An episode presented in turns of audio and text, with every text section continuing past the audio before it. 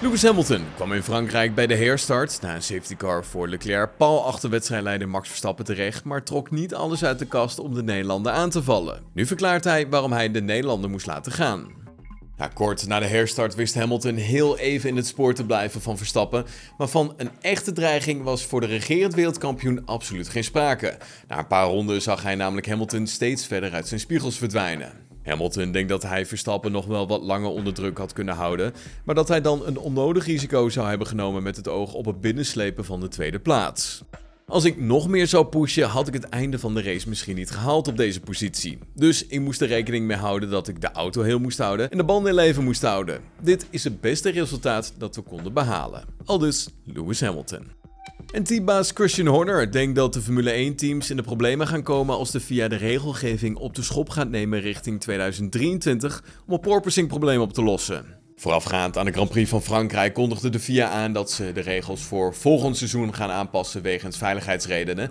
Men wil het stuiteren van de auto's aan banden leggen en wil dit realiseren door onder meer de vloerranden te verhogen. Deze plannen stuiteren op weerstand van veel teams, waaronder Red Bull Racing. Horner denkt dat de FIA niet kan maken om straks nog de regels richting 2023 te veranderen, omdat de auto al volop in ontwikkeling is bij de meeste teams. Ik denk dat je de laatste drie of vier races echt geen problemen hebt gezien. Zo haakt Horner tegenover autosport in op de stuiterende auto's. Wolf zei hierover eerder dat uh, dit komt omdat de Formule 1 recent op zeer vlakke circuits reed, waardoor porpoising veel minder zichtbaar is. Maar Christian Horner vindt dat er gewoon gezond verstand moet worden gebruikt.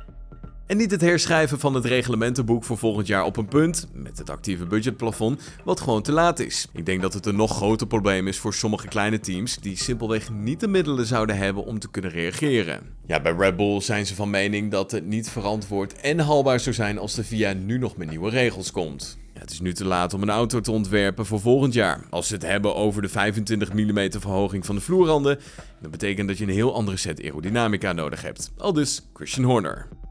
Gaan we door naar het team van Williams, want de upgrades bij het team lijken te werken. Alexander Albon denkt zelfs dat ze vanaf heden regelmatig in staat zullen zijn om Q2 te kunnen halen, zoals hij dat ook deed in Frankrijk. Ja, Latifi overleefde Q3 niet, maar dat kwam volgens de Canadees door een klein probleem aan de auto. Dat zou hem vertraging hebben opgeleverd, waardoor hij, tegenstelling tot zijn teamgenoot, niet mee kon doen aan het tweede deel van de kwalificatie. Albon is enthousiast over de updates aan de auto's, maar wil zeker nog niet te vroeg juichen. Het tij lijkt gekeerd. Voorheen konden we alleen Q2 halen als andere coureurs een fout begingen. Nu kunnen we het op eigen kracht en hebben we dat twee weken achter elkaar gedaan. En daar ben ik blij mee. Maar goed, ik zou nog niet zeggen dat we altijd Q2 gaan halen, maar ik denk dat we daar wel doel van gaan maken. De ontwikkelingen zijn goed. Heb je genoten van deze aflevering? Laat je dan horen op onze Apple Podcast pagina of vergeet ons niet te volgen op Spotify. Tot dan. Hoi.